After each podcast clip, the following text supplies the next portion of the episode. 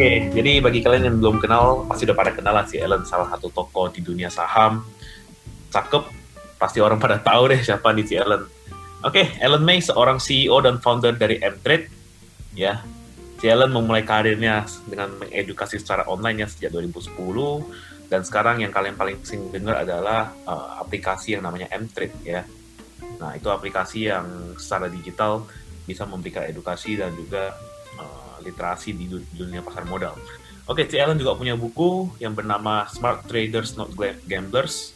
Nah, di sini juga kalian bisa ke toko-toko pasti kalian kelihatan tuh muka C. Allen, bukunya warna putih, judulnya itu. Nah, jadi kalau kalian mau belajar lebih lanjut, silakan ke toko buku terdekat kalian, kalian boleh beli bukunya C. Allen. Oke, C. Allen, uh, ya kenalin dulu juga ya aku dari aku Alfredo ya aku dari Batam basically aku sebagai branch manager di Jasa Utama Capital Sekuritas Batam, salam kenal. Jadi kan hari ini kita mau talk show ya, kita mau mengenai saham ya. Nah, ini pasti juga banyak penasaran nih sama pendapatnya si Ellen mengenai saham-saham sekarang gimana situasinya nih. Oke, kita mulai dari pertanyaan pertama. Kan kita perhatiin nih, sekarang kan ada value stock, ada yang namanya uh, value investing, ada yang namanya growth investing, ya kan?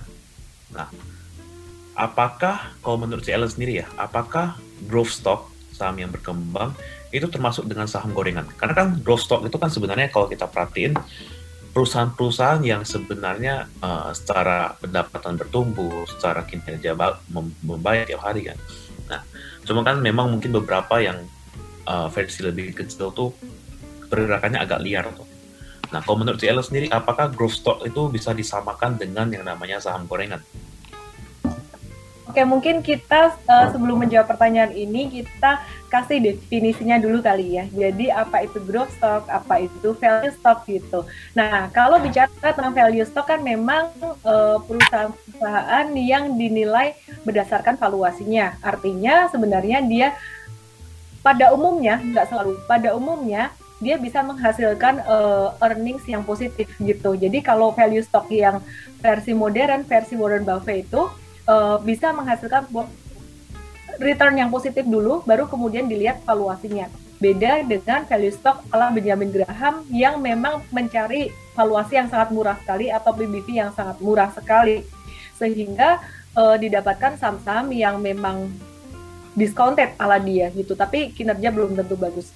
Nah, gimana dengan growth stock ini? Sejak tahun 1958 sampai 1960-an, Warren Buffett mulai mengubah strategi investasinya dari murni value investing ala Benjamin Graham itu mix dengan growth investing, yaitu salah satunya dengan melihat bisnis model, manajemen perusahaan, dan juga melihat ya, jadi melihat profitabilitas perusahaan atau uh, return atau earning dari perusahaan tersebut, apakah returnnya bertumbuh secara sustainable atau enggak. Nah, itu adalah pengertian dari uh, growth versus value stock ya. Jadi Warren Buffett sekarang udah mix uh, investasinya adalah grow uh, mix dengan value value investing gitu. Nah sekarang kalau yang murni growth investing sendiri gimana? Kalau murni growth investing kita melihat pertumbuhan perusahaan itu dari segi inovasinya yang pertama dan kemudian juga harusnya kita melihatnya dari pertumbuhan uh, revenue juga. Nah, kalau old economy masih dilihat pertumbuhan earningsnya. Tapi kalau new economy ini nggak terlalu dilihat pertumbuhan earningsnya karena logikanya perusahaan yang lagi bertumbuh atau yang lagi growing itu uh, mereka menggunakan mereka menggunakan uang yang didapat dari uh, hasil penjualannya ya atau revenue-nya itu itu untuk digulung lagi untuk pengembangan perusahaan terus. Jadi nggak heran kalau misalkan kita menemui banyak perusahaan teknologi atau startup atau perusahaan apa pun saat ini yang mungkin secara uh, revenue tumbuh terus, tapi secara net profit itu dia impas atau bahkan malah rugi. Pertanyaannya adalah gimana cara kita tahu perusahaan yang growing ini, growth stock ini dia bagus atau enggak? Sebenarnya poinnya kuncinya dilihat dari uh, dia itu BEP atau mungkin rugi itu karena untuk pengembangan atau memang sebenarnya dia rugi karena dia nggak bisa cuan. Nah itu uh, satu hal yang berbeda. Jadi ada satu kondisi di mana perusahaan sebenarnya dia bisa untung, tapi keuntungannya itu digunakan untuk digulung lagi, digulung lagi. Nah, di sinilah perusahaan yang berkembang atau growth stock ini mereka jarang bagi dividen. Growth company itu jarang bagi dividen. Menjawab pertanyaan apakah growth company ini mostly adalah saham gorengan saya bisa katakan tidak semuanya ya, tapi memang sebagian besar perusahaan yang lagi bertumbuh, yang lagi growing saat ini secara kapitalisasi, secara likuiditas memang tidak terlalu besar gitu. Dengan demikian, jadi pergerakan harganya sangat sensitif sekali kalau misalkan ada demand yang cukup besar terhadap saham tersebut, terhadap emiten tersebut, dan demikian pula kalau misalkan ada tekanan jual, ada beberapa pihak tertentu, big fund misalkan dia mau jualan, ada uh, fund manager reksadana, mereka mau jualan, jualan dikit aja langsung harga sahamnya terpengaruh. Mungkin di sinilah penyebabnya kenapa growth stock itu jadi dikorelasikan sebagai uh, perusahaan atau uh, saham-saham yang istilah kata kok kayak gorengan ya, gampang digoreng. Sebenarnya sih bukan gorengan, tapi karena kapitalisasinya nggak begitu besar melantai di bursa, jadi sangat sensitif sekali pergerakan harganya terhadap supply and demand. Tapi saya bisa bilang bahwa tidak semua growth stock itu digoreng. Karena beberapa memang meskipun ukurannya masih kecil, masih bertumbuh, ya uh, secara fundamental mereka termasuk cukup bagus juga gitu. Iya, saya setuju banget sih karena ini. Karena mungkin banyak yang ngira bahwa uh, kalau kita ngomong soal value investing mereka masih uh, masih nyangkut di masa lalu dengan ngira oh PBV 0,1 murah PBV 0,2 murah. Pasti pada mikir gitu. Pas sebenarnya value investing zaman itu ya zaman zaman kita melihat PBV begitu ya kemungkinan itu terjadi pada masa-masa waktu mungkin krisis kayak waktu awal COVID Nah, ketika kita bisa mendapatkan Astra di PBV di bawah satu, yaitu murah gitu. Nah, sedangkan kalau yang zaman sekarang ya memang value investing kan kalau kita perhatiin memang lebih ke arah saham itu memang uh, bertumbuh tapi masih di bawah value. Nah, untuk stock sendiri kalau kita perhatiin juga ya beberapa saham yang terus bertumbuh memang karena market cap kecil kayak si Ellen bilang, market cap-nya agak kecil ya memang terkesan lebih gampang digerakin ya. Oke, nah kalau untuk si Ellen sendiri ya, metode apa sih yang cocok untuk orang-orang yang mau melakukan namanya growth investing? Oke, metode apa yang cocok uh, untuk dilakukan kita melakukan growth investing? Ada dua pilihan sebenarnya. Yang pertama adalah uh, metode kayak Warren Buffett ala, ala Warren Buffett yang sedikit konservatif, growth investing mix dengan value investing gitu. Jadi uh, growth and value itu nanti akan ketemunya pada perusahaan-perusahaan old economy yang uh, profitnya sustainable dan kemudian belinya kapan? Belinya pas valuasinya terdiskon. Kira-kira kayak gitu. Mungkin perusahaan big perbankan uh, cocok gitu ya. Mungkin timingnya agak telat sekarang kalau valuasinya udah nggak terlalu terdiskon. Tapi ya itu menarik di situ. Tapi kalau misalkan uh, growth investing yang versi modern, nanti kalau misalkan teman-teman berinvestasi pada perusahaan ekonomi, mungkin teman-teman susah ya menilai dari segi profitability seperti yang tadi saya bilang tadi uangnya digulung terus gitu. Jadi e, gimana caranya menilai di sini? Kalau saya pribadi sebenarnya saya lebih banyak combine dengan teknikal karena kalau kita cuma percaya story aja kadang-kadang story dengan harga saham itu kadang relevan kadang nggak relevan. Jadi kadang keluar story bagus, keluar berita bagus, yang terjadi malah sell on news gitu. Jadi kita selalu combine dengan technical uh, kalau growth investing pada saham-saham new economy terutama kita combine dengan strategi trend following atau strategi Darvas atau yang sering kali kita sebut juga dengan strategi super trader di M-Trade gitu. Nah, dengan uh, kita combine secara teknikal ini, kita bisa exit tepat pada waktunya ketika mulai terjadi distribusi even though beritanya masih bagus gitu. Demikian pula ketika masuk entry kita bisa masuk di saat yang lebih tepat yaitu ketika terjadi breakout yang mengawali tren naik meskipun beritanya atau newsnya mungkin belum keluar berita bagus itu. Tuh, karena in the end kenapa kita percaya technical karena market cost everything ya sesuai untuk teori ya. Semua yang ada di fundamental yang berita muncul pasti udah terprice rata-rata udah terprice in di stock market enterprise ini harganya. okay. kalau misalnya kita ngomong soal growth stock ya, saham tipe apa aja sih, yang jenis apa aja sih yang menurut Ellen tuh bisa kita kategorikan sebagai, oh ini saham growth stock, oh saham ini ya masih belum termasuk growth.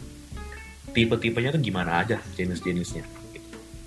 Simple. Kalau perusahaan yang termasuk growth stock itu mereka fokusnya pada inovasi. Kita lihat mereka ada banyak inovasi, uh, macam-macam inovasi. Kemudian yang kedua, um, mereka jarang bagi dividen. Jadi kalau teman-teman lihat seperti Sido muncul, itu mereka rajin bagi dividen, itu bukan growth stock sebenarnya.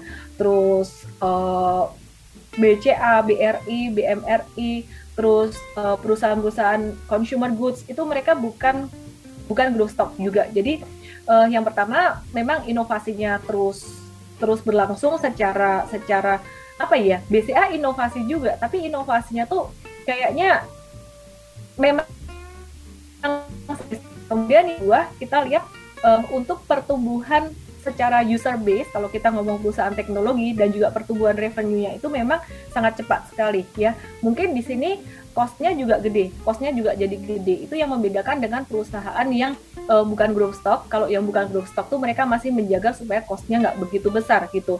Contohnya adalah Bank Neo Commerce di sini growth-nya sangat signifikan sekali dari 5 juta sampai 6 juta uh, user itu kemudian naik lagi jadi 11 sampai 12 juta user hanya dalam waktu beberapa bulan aja.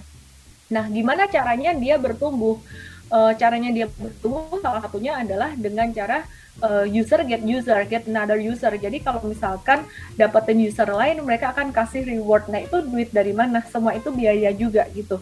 Yang dikhawatirkan adalah sebenarnya kalau biayanya besar, ini nanti bakalan jadi bubble nggak sih kalau sampai terjadi sesuatu uh, mereka harus cover biaya itu, mereka bisa nggak menghadapi ini, nanti collapse nggak kayak gitu. Ternyata uh, mereka mendapatkan nah kredit yang diberikan ke customer itu juga cukup gede gitu. Jadi sebenarnya uh, selain selain bunga tabungannya gede, bunga dari orang-orang yang pinjam duit itu gede juga. Nah, jadi meskipun cost of fund-nya besar, uh, net interest margin mereka juga masih oke, okay, masih bagus. Yang perlu diperhatikan di situ sebenarnya. Nah, kemudian untuk mengenali growth stock ini, selalu selain inovasi dan juga pertumbuhan ya, kita melihat secara valuasi itu udah pasti valuasinya akan mahal. Valuasinya nggak rasional. Jadi teman-teman jangan melihat growth stock ini secara valuasi nggak nggak nggak bisa lah di ngomong valuasi itu nggak match jadi kalau teman-teman uh, ngobrol dengan orang lain yang mindsetnya value stock gitu nggak bakalan match gitu ya jadi valuasinya pasti selalu mahal dan jangan harap si growth stock ini valuasinya akan jadi murah karena memang untuk perusahaan-perusahaan yang bersifat uh, bertumbuh growing terutama perusahaan teknologi startup teknologi justru goal mereka adalah valuasi. Valuasi semakin tinggi semakin menarik buat investor lain gitu. Dan kalau perusahaan yang nggak listed di uh, bursa ya, kalau saya dengar gitu, semakin tinggi valuasi ya berarti itu semakin bagus. Nanti kalau ada investor lain masuk ya nilainya akan semakin tinggi, semakin menguntungkan buat perusahaan itu. Jadi memang goalnya berbeda di sini. Jadi kalau untuk uh, value stock atau the old growth stock ala ala Warren Buffett mereka masih fokus pada cash, mereka masih fokus pada revenue and profit. Sedangkan kalau yang growth stock yang baru, uh, era new technology, mereka bukan lagi fokus pada profit, ya revenue mereka masih oke, okay, mereka masih mau pastinya dong ya revenue bertumbuh, user base juga bertumbuh, dan mereka uh, biasanya oke okay with high valuation, kira-kira itu. Masih oke. Okay. Nah berarti kalau growth stock sendiri ya kita perhatiin ya valuasi cenderung agak nggak masuk akal ya kita ngomong ya. Kalau kita ngomong kan mungkin pairnya bisa tinggi banget, PBV bisa tinggi banget. Jadi ya nggak akan bisa orang yang sebelumnya ya hanya konsepnya value investing PBV murah itu nggak akan bisa untuk beli ke Samsung growth stock karena menurut mereka itu nggak masuk bagi mereka. Oke, okay. nah jadi gimana sih cara kita bisa membedakan saham growth stock yang benar-benar uh, yang benar-benar relevan ya? Maksudnya kan banyak nih yang ada inovasi A, inovasi B, apalagi kalau kita ngomong paling simple tuh yang paling heboh ya bank digital ya ya nah bank digital A inovasinya ini ekosistemnya ini bank digital B ekosistemnya ini nah gimana sih bedakannya saham-saham itu beneran ada suatu story yang bagus atau itu hanya sebuah euforia gitu? Oke, jadi balik lagi ya, uh, kalau kita mau ngikutin hype dari bank digital atau growth stock yang lainnya dari sektor teknologi, banyak sekali yang melakukan M&A saat ini gitu. Uh, mana sih yang bisa dipilih? Mana sih yang bisa dipercaya? Mana yang enggak? Yang pertama kita selalu melihat ekosistemnya. Kenapa BBYB sekarang ini hype setelah Arto? Arto naik udah ketinggian jadi dua ini memang menarik karena dilihat secara ekosistemnya tuh kalau Arto kan ekosistem Gojek, sedangkan kalau BBB ini dia ekosistemnya tuh uh, dia merupakan anak usaha dari N Financial ya, jadi Alibaba Group gitu. Nah, jadi kalau diperhatikan uh, secara ekosistem oke, okay, kemudian grupnya dia itu juga oke. Okay. Nah, intinya sih sebenarnya yang pertama kita lihat ekosistem. Tapi yang terpenting sekali lagi, kita selalu konfirmasi dengan chart. Jadi story bisa dibikin uh, mungkin chart bisa dibikin juga, tapi kita akan selalu follow kalau chartnya lagi bagus, kalau chartnya lagi nggak bagus, mereka bikin bikin chartnya istilah kata tuh ada yang ngebuang barang banyak langsung kelihatan distribusi, kita tinggal exit aja gitu. Jadi kita nggak pernah tahu sebenarnya story mana yang memang benar-benar valid atau confirm dan yang bisa bikin harga saham naik atau itu adalah story yang dibuat oleh orang-orang yang kepengen mereka take profit di atas supaya retail beli ya kita nggak tahu kan jadi yang bisa mengkonfirmasi adalah chart. Kita pakai strateginya trend following aja. Ya, ini tipenya Ci Elon agak mirip, lumayan mirip sama tipe gue nih. Mau gimana pun story-nya, kalau chart nggak bagus ya udah skip. Mau story-nya segimana pun. Oke sih, nah kita perhatiin, ini kan banyak anak muda nih ya, yang pingin investasi, yang pingin cepet kaya, yang pingin dapat return sebanyak mungkin dari investasi, ya kan? Nah, tapi mereka bingung, mereka mau pakai tipe yang mana? Gue mau jadi uh, growth investor atau gue mau jadi value investor? Nah, kalau menurut si Ellen sendiri, untuk anak muda nih ya, sarannya gimana untuk mereka? Karena mereka kan ingin mendapatkan profit yang lebih cepat, profit yang lebih banyak. Nah, lebih bagusnya itu di growth investing atau di value investing yang bisa memberikan return terbaik. Kalau return cepat udah pasti growth investing ya. Kalau value investing itu lama, lambat gitu Cuman kalau ditanya pilih grup atau value, sebenarnya jawabannya kembali pada yang pertama timing. Timingnya pas lagi kapan nih? Contoh eh, tahun 2008, tahun 2013, tahun 2020 bulan Maret dan bulan September. Itu cocok kalau mau value investing karena saham-saham yang bagus-bagus tuh lagi diskon semua gitu. Nah, tapi setelah uh, harga saham naik ya, udah harga saham udah naik sangat signifikan untuk yang value stock terutama perbankan besarnya udah udah udah jalan naik, itu nggak cocok lagi untuk dilakukan value investing.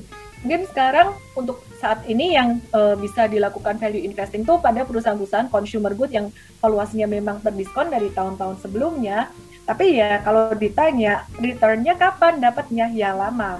Saya rasa kalau buat teman-teman uh, yang masih kuliah saat ini dengan modal terbatas mungkin lebih baik belajar trading aja apalagi mau dapat cuan cepat. Nah, mungkin kalau ada orang tua atau uh, atau paman atau siapa yang mau titip duit atau yang mau kasih kalian duit lebih gitu. Istilah kata duit yang nganggur banget nggak dia apa-apain daripada taruh di bank semua boleh sebagian untuk di value investing kan gitu. Sekarang sih sisa perusahaan uh, consumer good aja yang valuasinya masih sangat murah gitu. Dan ini untuk value investing returnnya tuh uh, jangan diambil atau jangan direalisasikan dalam waktu singkat.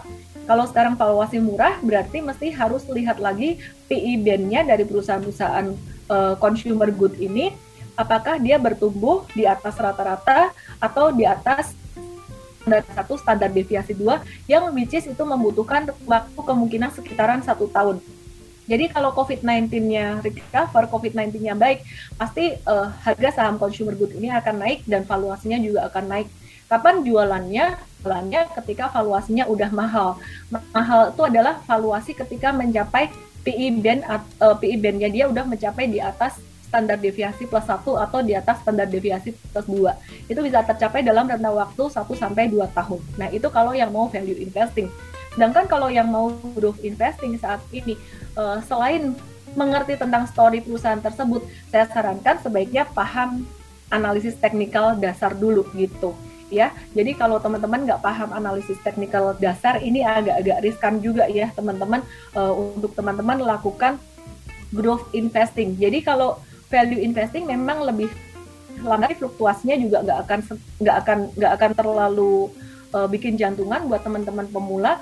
Nah, sedangkan growth investing ini uh, cuannya lebih cepat, tapi resikonya juga pastinya buat teman-teman pemula ini akan lebih jantungan juga gitu. Jadi sekali turun bisa ARB, ARB, mesti belajar analisis teknikal dulu. Yang pertama, yang kedua uh, belajar tentang risk management. Nah, kemudian teman-teman jangan uh, jangan berpikir bahwa kalau growth investing ya, aku mau hold lamaan ah mau setahun atau dua tahun never ever do that gitu. Jadi kalau group investing tuh benar-benar kita harus fleksibel bahkan ini kayak setengah trading sifatnya. Uh, group investing yang ala-ala new economy ya. Jadi ini setengah trading gitu. Ya, jadi ingat balik lagi belajarinya alat analisis teknikal apalagi kalau kalian mau main di growth investing ya. Jadi growth investing lebih mungkin kita bisa ngomong tuh swing trading lah ya daripada kita ngomong growth investing ya karena kan mungkin banyak konsepnya gue mau beli saham growth tapi gue mau holdnya 5 tahun 10 tahun. Padahal sebenarnya itu masih inovasi dan kita belum tahu apakah ke depannya ini bakal atau enggak gitu. Ya, jadi kalau untuk rasio fundamental sendiri untuk uh, growth investing pada perusahaan new economy terutama perusahaan teknologi e-commerce gitu rasio yang diperhatikan bukan lagi valuasi karena nggak match. Jadi rasio fundamental yang diperhatikan salah satunya adalah GMP, yang kedua adalah TPV. Nah, tapi teman-teman uh, dari melihat rasio-rasio itu sendiri pun, pun di hari hari semakin bagus itu juga tidak mencerminkan harga sahamnya seperti contohnya ya di sini saya bukan mau ngomongin satu saham ini secara khusus ini kebetulan aja. Bukalapak nih kan juga GMP-nya kan juga uh, bagus kan ya dari kemarin pertumbuhannya tapi harga sahamnya tuh turun gitu. Jadi kenapa harga sahamnya turun? Ya jadi kalau di market uh, naik turunnya harga saham ini kan it's all about supply and demand nih. Waktu itu beberapa hari setelah IPO itu banyak banget asing yang jualan gitu. Terus kemudian akhir-akhir ini sebenarnya banyak juga asing yang beli. Nah, tapi harga saham masih belum naik juga. Kenapa seperti itu? Karena supply kegedean karena jumlah saham yang dirilis itu banyak, terlalu banyak. Jadi meskipun demandnya besar, semakin besar, masih belum bisa uh, ngangkat harga saham ini naik gitu. Jadi buat teman-teman yang mungkin nyangkut di sini ya ditunggu aja.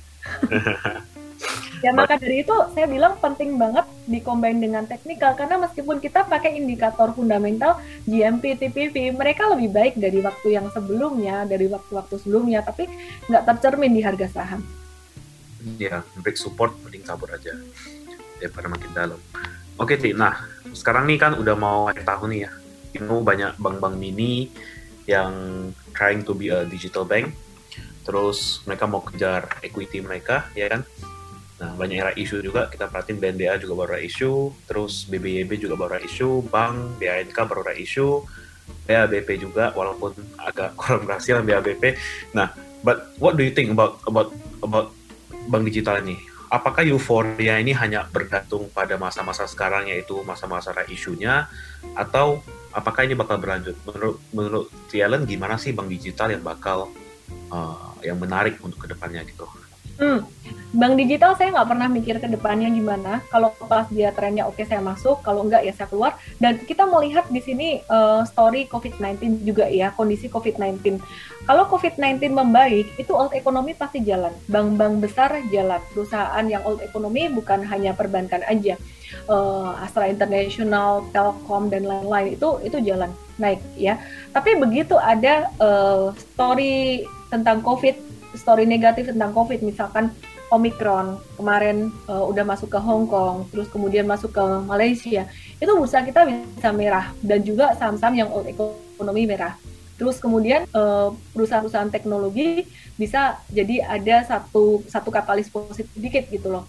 Jadi jadi naik lagi gitu. Jadi kita dance with the market aja kita sesuaikan dengan kondisi yang lagi terjadi. Kalau memang buat trader terutama ketika lagi sentimen bagus di market dari COVID-19 ini semakin reda, semakin reda, pemulihan ekonomi akan terjadi. Fokus kita lebih ke perusahaan old economy gitu. Jadi untuk uh, bank digital ini uh, atau perusahaan-perusahaan teknologi itu jadi side bis. Tapi kebalik kalau misalkan COVID-nya naik, uh, maka fokus kita pada perusahaan uh, teknologi, perusahaan new economy dan juga perusahaan uh, healthcare, ya healthcare dan juga komoditas, sedangkan perusahaan yang old economy ini uh, agak-agak agak-agak kita jadi inside this dulu sementara gitu.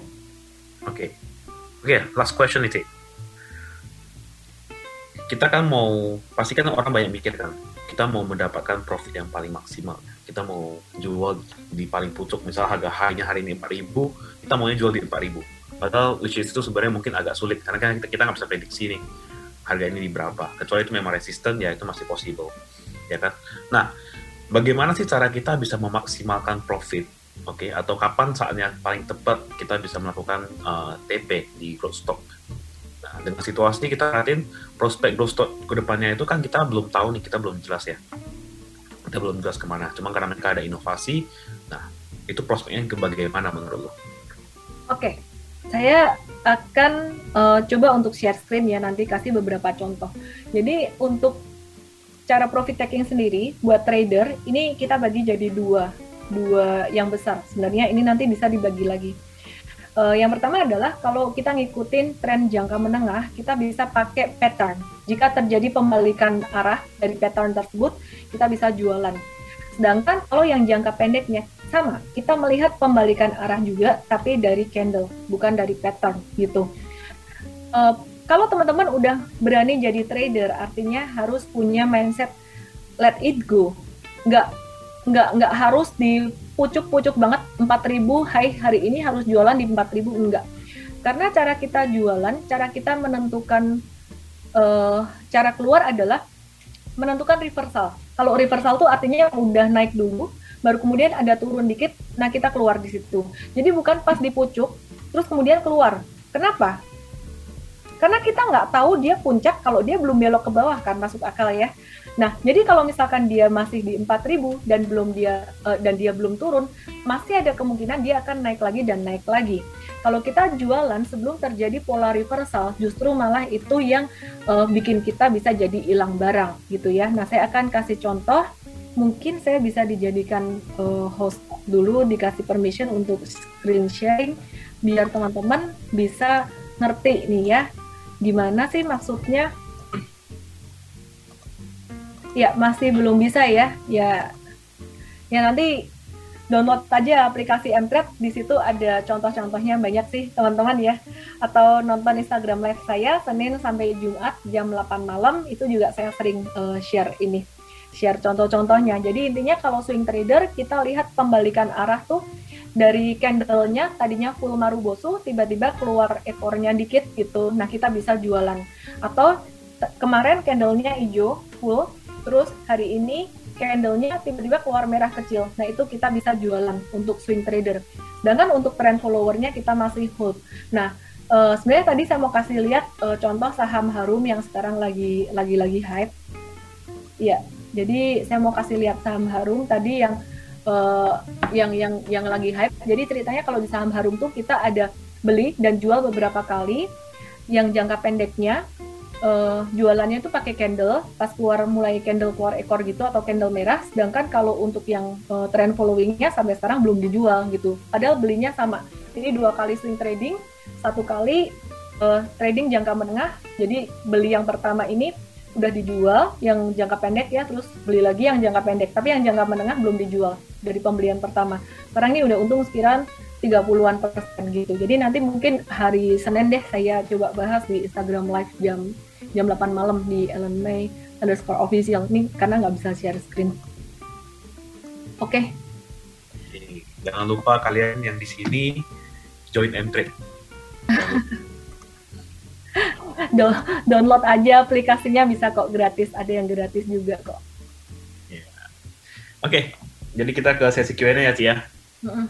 kita pilih beberapa pertanyaan deh nah apakah kriteria saham growth stock selalu dapat dikaitkan dengan siklus industri? Emiten yang bersangkutan. Bagaimana menilai yang terlihat growth stock, bagaimana yang merupakan growth trap. Kan kita ada value trap nih kan. Kayak contoh beberapa saham yang kelihatannya wah murah nih PBV-nya eh ternyata nggak pernah bagi dividen nggak pernah bertumbuh. Nah kalau misalnya di growth stock gimana sih cara kita membedakan yang beneran growth stock atau enggak itu semua sebuah growth trend menarik ya. Uh, istilah growth trap ini sangat menarik sekali. Growth trap artinya jebakan ketika kita beli saham growth seperti halnya kalau beli saham yang value investing ini ada ada sebutan value trap juga.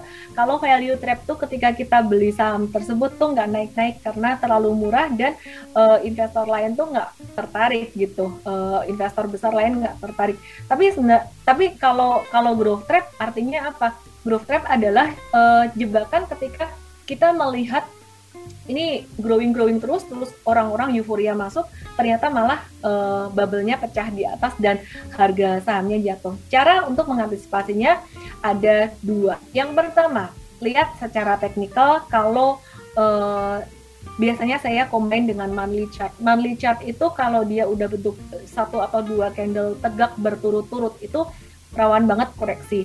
Dan kalau dilihat dari daily chart, dia tuh naik terus, tapi volume transaksinya turun. Dan ini juga yang terjadi pada kripto. Uh, kripto tuh kalau dilihat secara monthly beberapa bulan terakhir ini, ini terjadi satu divergensi di mana harganya naik tapi volumenya turun.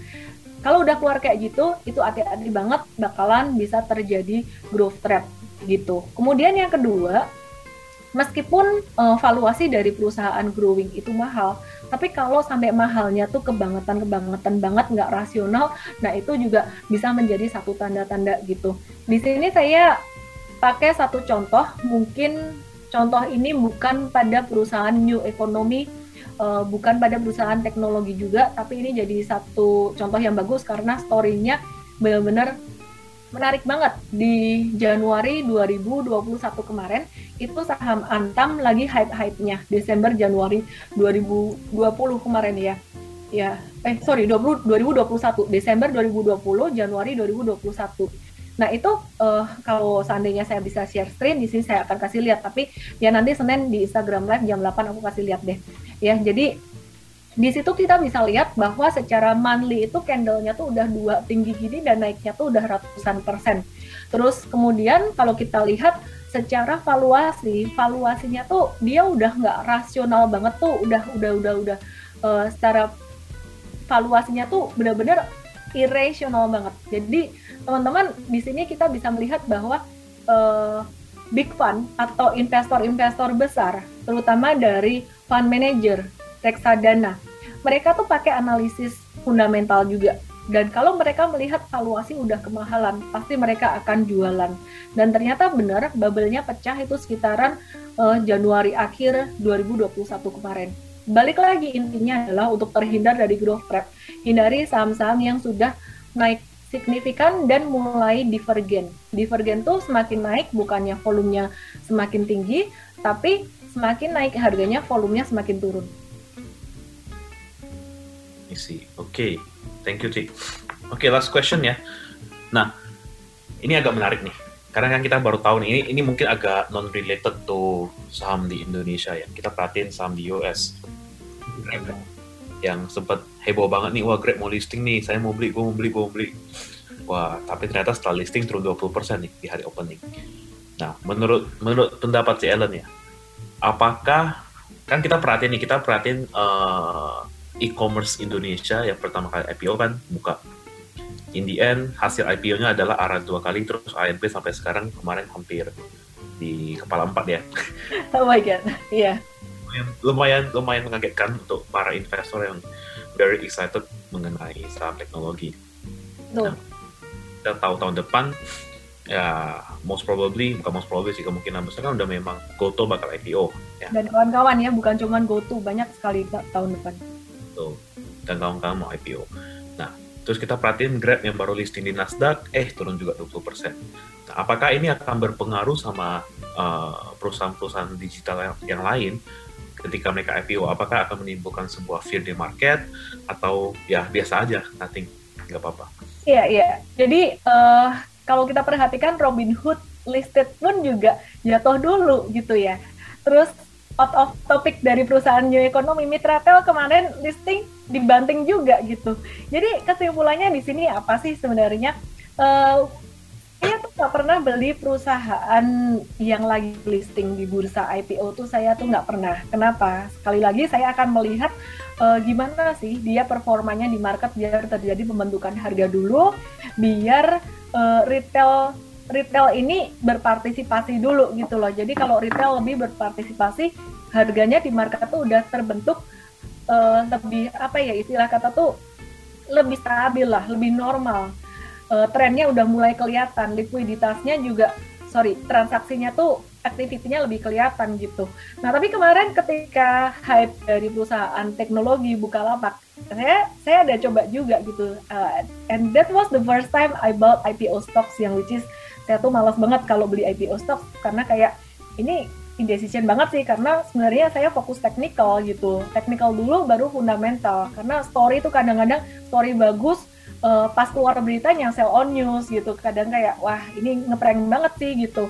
Akhirnya di situ saya juga belajar banyak. Kita semua selalu belajar ya.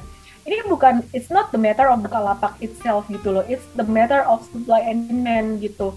Jadi kalau Bukalapak pelajarannya yang pertama adalah aku lihat perusahaan ini uh, kapitalisasinya gede. Jadi jumlah saham yang uh, dikeluarin tuh gede gitu. Semua tuh tentang supply demand supply demand. Kalau jumlah saham yang dikeluarin gede, yang minat nggak segede itu, nah gimana caranya dia naik gitu institusi ya institusi bener uh, foreign borong nggak borong tapi retail saat ini di Indonesia sangat sangat kuat sekali pengaruhnya tuh dominasinya retail tuh sangat kuat sekali selama pandemi COVID-19 logiknya gimana? Investor asing mau masuk di Indonesia masih takut karena COVID-19. Eh Oktober masuk, eh kemarin udah jualan lagi, keluar lagi profit taking karena takut Omicron. Jadi siapa dong yang main di market ini? Retail. Kalau retail yang main, kita mesti ngelihat appetite retail juga. Saya pernah ngepost satu postingan tentang Bukalapak waktu itu sebenarnya postingannya tuh e, netral. Kita kasih tahu informasi tentang Bukalapak. Saya pikir orang-orang akan merespon dengan positif. Surprisingly, mereka tuh merespon dengan kayak, wah ini tuh perusahaan masih rugi nih, meskipun sebenarnya cara pandang mereka tuh tidak 100% benar ya, karena bukan begitu cara menilai perusahaan new economy. Terlepas dari mereka bisa menganalisis atau enggak secara fundamental, di situ tuh kelihatan psikologi market tuh gimana, psikologi retail gimana. Balik lagi, uh, lapak ini kapitalisasinya gede, jumlah saham yang diedarkan besar. Tapi retail sepertinya masih appetite-nya belum ke situ Nah, jadi gimana nih nggak naik-naik gitu sampai sekarang gitu dan mereka sekarang lebih banyak fear-nya juga. Oke, saya bukan mau ngomongin tentang satu emiten secara khusus, jadi uh, fokusnya tolong jangan kebuka lapak. Di sini tadi saya mention juga Robinhood pertama IPO juga turun gitu. Terus kemudian untuk uh, juga turun dan kita nggak tahu nanti IPO IPO berikutnya dari uh, perusahaan yang bakalan IPO di bulan ini kayak Avia dan lain-lain tuh gimana intinya adalah satu hal kalau aku nggak mau spekulatif uh, untuk beli perusahaan yang baru baru melantai di bursa tuh aku biarin dulu dia akan membentuk harga tuh biarin dulu gitu ya kalau misalkan teman-teman benar-benar penasaran banget mau ngetes ngetes sejumlah uang yang memang teman-teman siap duit itu rugi atau hilang namanya juga ngetes gitu Nah, jadi nanti IPO ke depan, IPO GoTo gimana? Saya akan perlakukan sama. Mau sekeren apa pun perusahaan itu. jadi kalau misalkan ditanya apakah Elon akan beli pre IPO-nya GoTo, belum tahu saya. Mungkin kalau beli pun aku nggak akan beli segede dulu aku beli Bukalapak gitu. Um, karena logiknya gimana? Logiknya kalau dari saya ya, saya mikir GoTo ini perusahaan yang uh, dia udah diinvest oleh banyak investor besar Bahkan perusahaan ini umurnya udah lebih dari 10 tahun. Valuasinya tuh udah menggelembung, udah tinggi banget. Sekarang apa sih yang diharapkan oleh para investor yang masukin duit ke GoTo dari pertama kali mereka invest ketika mereka belum jadi apa-apa? Ketika GoTo masih baby, mau ngapain? Mau dapat untung dong. Untungnya dari mana? Bukan dari keuntungan perusahaan, tapi dengan jualan saham, exit di valuasi tinggi. Nah, iya memang di lock 8 bulan atau gimana. Uh, tapi kalau misalkan terjadi mereka exit, kita yang beli. Jadinya ya kita yang nampung barang mahal itu. Ini menarik ngomongin GoTo, bukan berarti saya ngomong teman-teman jangan beli, enggak. Tapi saya akan biarkan terjadi pembentukan harga dulu di market. Dan kita biarkan pembentukan harga itu terjadi sampai akhirnya uh, pada satu titik dia menjadi menarik secara teknikal maupun fundamental Kalau fundamental, growth stock ini one day mereka juga akan bisa menjadi value stock. Contohnya adalah Amazon. Amazon itu dulunya growth stock, uh, growth stock tapi dia menjadi value stock. Cuman Amazon jangan disamakan dengan Bukalapak, uh, nggak bisa disamakan juga dengan GoTo. Setelah saya belajar akhir-akhir ini, my findings uh, it's very different gitu. Mereka lebih fokus pada cash. Jadi kalau teman-teman baca uh, annual letternya Jeff Bezos dari berapa ya dari dari tahun 90 eh sebelum 97 malah. Pokoknya annual letternya Jeff Bezos ada satu buku tuh yang isinya rangkuman annual letter dia. Berkali-kali berkali-kali tuh kata-kata yang dia sebut adalah innovation dan juga cash. Cash, cash, cash. Selalu fokus pada cash gitu. Jadi it's a bit different dengan uh, perusahaan new technology startup yang mereka fokusnya pada uh, valuasi bukan menurunkan valuasi supaya murah, tapi biar valuasinya tinggi, biar investornya bisa exit. Nah, beda. Kalau Amazon uh, bukan fokusnya untuk investor untuk exit, enggak gitu. Semoga bisa menjelaskan dan nggak makin tambah bingung. I agree sih, I totally agree with you sih. Kayak buka market capnya gede ya, what can we expect dia mau ke berapa gitu. Kalau dia mau naik terus ya IHSG kita juga mau ke berapa kan. Sama juga dengan Mitratel, nanti Goto juga sama is the same same concept. Terus kalau kita ngomong soal growth stock juga ya memang cara mereka menghitung growth stock itu begitu. Kita ngomongin friend deh misalnya. Ya momen yang kita dapat temuin adalah momen dari mana friend dari rugi jadi untung. Sama juga dengan buka lapak ya oke. Okay. but anyway thank you sih for the explanation. Thank you semua sharingnya ya. Hopefully pada belajar di sini pada bisa dapat ilmu dari si Ellen juga. Jangan lupa kalian join M-Trade. Follow Instagram saya aja dan download aplikasinya karena kita juga akan lebih banyakin edukasi gratis. Dan saya izin kalau boleh saya mau menyampaikan informasi satu bahwa kita lagi hiring terus, hiring over and over and over. Kita lagi hiring tim coach, tim trader yang pasti pastinya akan diajarin trading ya mau trading saham trading kripto diajarin ngajar bisa ngomong tentang saham bisa membantu teman-teman semua menginspirasi teman-teman semua caranya gimana caranya langsung aja uh, masukkan aplikasi teman-teman ke mtrade.id garis miring coach atau langsung aja DM ke Instagram saya dengan uh, format coach strip nama email dan HP kamu. Jadi kerjanya remote dari seluruh Indonesia mau dari negara mana juga bisa. Oke, okay, thank you so much buat uh, KFPM FEB UI dan juga thank you so much buat seperti Alfred. Ya, wah, ya, ya. boleh nggak sih? yang udah um, membantu acara ini, yang udah nge-host acara ini. Semoga yang saya bagiin bisa bermanfaat, sehat selalu, dan ketemu hari Senin nanti jam 8 malam di Instagram saya, Eleni underscore official. Terima kasih. Terima kasih. Dadah.